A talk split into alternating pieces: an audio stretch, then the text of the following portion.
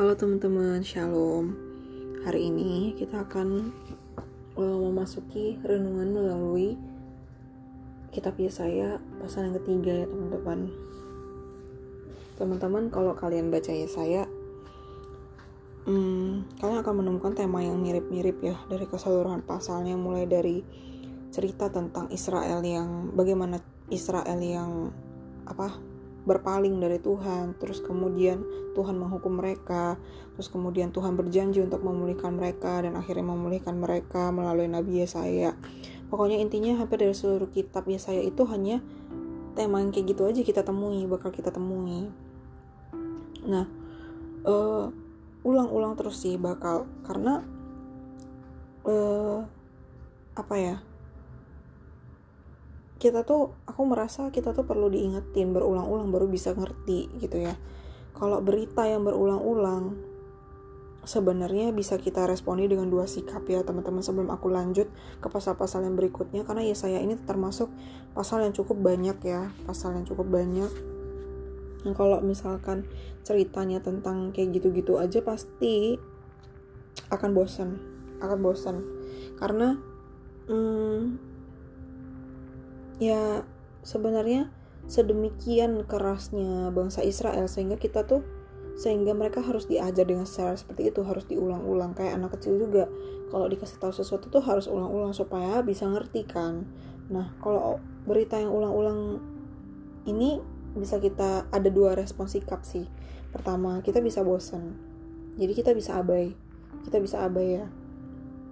Kalau misalkan kadang-kadang orang tua kan selalu kayak ngingetin kita mulu ini mulu ini mulu. Misalkan jangan lupa jangan lupa kalau zaman sekarang ya jangan lupa pakai hand sanitizer terus jangan lupa cuci tangan terus diingetin terus diingetin terus ya gitu. Nah karena terlalu sering kayak kita udah anggap hal itu aduh basi banget sih nggak penting banget sih kayak gitu gitu ya. Nah itu respon yang pertama ya kita bisa bosen. Tapi respon yang kedua itu uh, anggap itu kita anggap jadi hal yang penting. Makanya diulang-ulang terus. Kenapa diulang-ulangnya? Karena penting gitu loh. Kayak uh, misalkan nih kita lagi apa ya alarm deh alarm. Alarm kan kita setel berulang-ulang kan. Supaya apa? Supaya uh, atau jangan alarm ini dia bangun tidur deh kita bisa tidur lagi kalau alarm bangun tidur. Tapi kalau alarm mobil misalkan uh, yang kalau misalnya kita lupa pakai seat belt tuh kan alarmnya bunyi terus kan kayak ada lampu bip bipnya itu bunyi terus kan. Nah itu berulang-ulang supaya kita pakai tuh sabuk pengaman. Supaya apa? Itu penting supaya kita tetap aman di dalam perjalanan kita kayak gitu ya. Sehingga kita bisa memperhatikannya. Nah teman-teman kita harus punya sikap yang seperti ini ya. Punya sikap yang menganggap uh, kitab ini penting. Karena diulang-ulang itu bukan berarti Tuhan sengaja ya ulang-ulang karena nggak ada pembahasan karena nggak ada tema bukan ya. Tapi Tuhan itu pasti mau ingetin kita sesuatu gitu di dalam kehidupan kita supaya kita bisa tetap serupa sama dia bukan basa-basi. Tuhan lagi kasih kita peringatan yang serius sehingga Tuhan terus ulang-ulang Tuhan terus ulang-ulang melalui kitab Yesaya ini sampai ada 66 pasal gitu ya.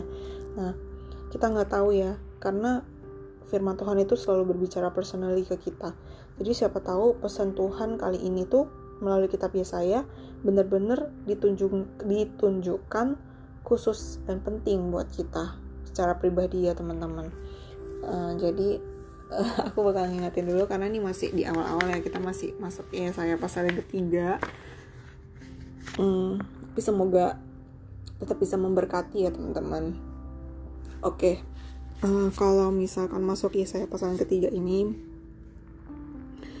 Di ayat yang ke-12 dikatakan kayak gini. Adapun umatku penguasa mereka ialah anak-anak dan perempuan-perempuan memerintah atasnya. Hai umatku pemimpin-pemimpinmu pemimpin-pemimpinmu adalah penyesat dan jalan yang kamu tempuh mereka kacaukan. Tuhan bilang di sini uh, apa ya penguasa orang Israel, penguasa umatnya saat itu adalah anak-anak dan perempuan-perempuan memerintah di atasnya. Teman-teman pernah nonton ini gak sih film The Last Emperor? teman-teman harus nonton ya film ini jadi film ini tuh bagus uh, udah film lama banget sih tahun 1900 uh, berapa gitu film lama film ya dinasti dinasti kerajaan kerajaan gitu. Tapi lebih banyak sekarang orang relate ke dinasti Korea kali ya. Tapi uh, menurut aku ini layak sih ditonton. Aku pengen nonton ulang lagi. Jadi the, film The Last Emperor ini ini kisah nyata ya teman-teman. Ada satu kaisar namanya Kaisar Puyi. Kaisar Puyi ini kaisar ke berapa ya 12 ya kalau nggak salah. Dari satu dinasti uh, kaisar ke iya kalau nggak salah ke 12 12 itu uh, kaisar terakhir sih di Tiongkok pada saat itu nah dinasti Qing ya kalau nggak salah dinasti Qing jadi Puyi ini memerintah da dari tahun kalau nggak salah 1900 awal-awal tahun 1900-an lah gitu. Nah, istimewanya Kaisar Puyi ini apa? Kaisar Puyi ini jadi kaisar waktu usianya tuh masih tiga tahun teman-teman.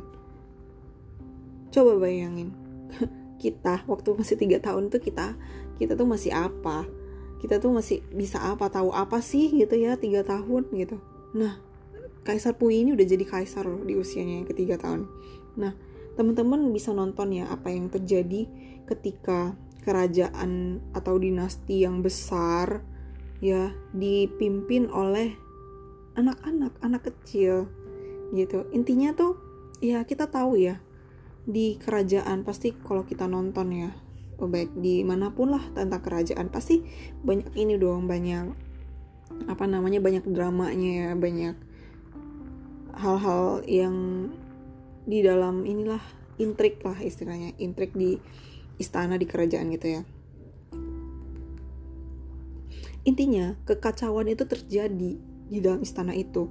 Kalau nggak salah mereka dijad, dimanfaatin gitu sama apa ya sama kalau nggak salah Jepang gitu. Supaya uh, dimanfaatin lah sama orang Jepang. Dijadiin kayak uh, apa ya pokoknya dimanfaatin supaya uh, kolonial Jepang itu uh, pokoknya dimanfaatin lah sama Jepang aku lupa ceritanya nanti aku mau nonton lagi tapi teman-teman kan harus nonton intinya ya Tuhan mau bilang sama kita kayak gini untuk jadi seorang pemimpin, untuk seseorang layak jadi seorang pemimpin, tentunya dia tuh harus udah dewasa, teman-teman. Dewasa dalam segala hal ya, bukan hanya secara umur, tapi dewasa dalam sikap, di dalam perbuatan, di dalam pemikiran. Jadi intinya orang yang bisa jadi pemimpin itu orang yang punya tanggung jawab dan punya pengetahuan yang cukup gitu yang cukup yang layak untuk bisa jadi seorang pemimpin gitu ya. Nah kalau misalkan anak-anak yang baru uh, kemarin sore tiba-tiba jadi pemimpin gitu terus memerintah suatu negara apa yang terjadi? Seperti the film The Last Emperor ini ya pasti akan terjadi kekacauan sama juga seperti uh, Israel ya di Yesaya pasal ketiga ini di ayat yang ke-8 dikatakan Israel itu sungguh Yerusalem telah runtuh dan Yehuda telah rubuh. Yerusalem runtuh, Yehuda rubuh gitu loh. Jadi dan kenapa? Karena pemimpinnya itu anak-anak, kata Tuhan. Adapun adapun umatku penguasa mereka ialah anak-anak. Jadi kepemimpinan anak-anak ini gambaran dari pemimpin Tuhan, umat umat Tuhan ya, yang nggak dewasa, yang kayak anak-anak. Jadi mereka apa? Mereka yang menyebabkan kekacauan bagi semua umat Tuhan kayak gitu. Mereka eh, nggak uh, mampu mimpin. Mereka juga menyesatkan orang-orang yang mereka pimpin gitu loh. Mengacaukan apa ya? Rencana Allah kalau kata uh, Tuhan gitu nah ini juga peringatan ya buat kita. Khususnya bagi kita yang seorang pemimpin.